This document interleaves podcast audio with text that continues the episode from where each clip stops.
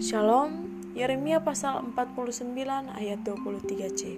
Hati mereka gemetar karena kecemasan tidak dapat menjadi tenang. Demikian firman Tuhan.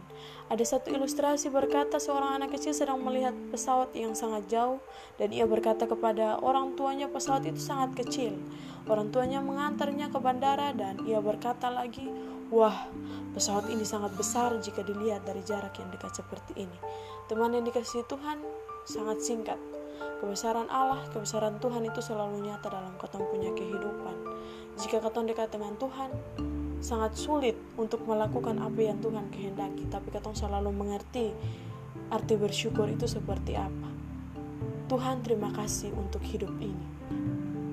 Perkataan itu sangat tenang saat ketong ucapkan walaupun sangat singkat.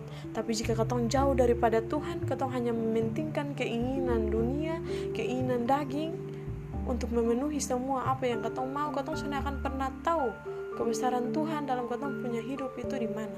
Ketong sudah pernah bersyukur apa yang Tuhan lakukan dalam ketong punya kehidupan.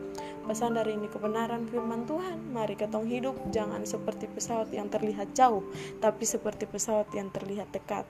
Agar ketong mengerti walaupun sulit dekat dengan Tuhan tapi ketong selalu bersyukur apa pun yang Tuhan selalu anugerahkan dalam ketong punya kehidupan. Thank you. God bless you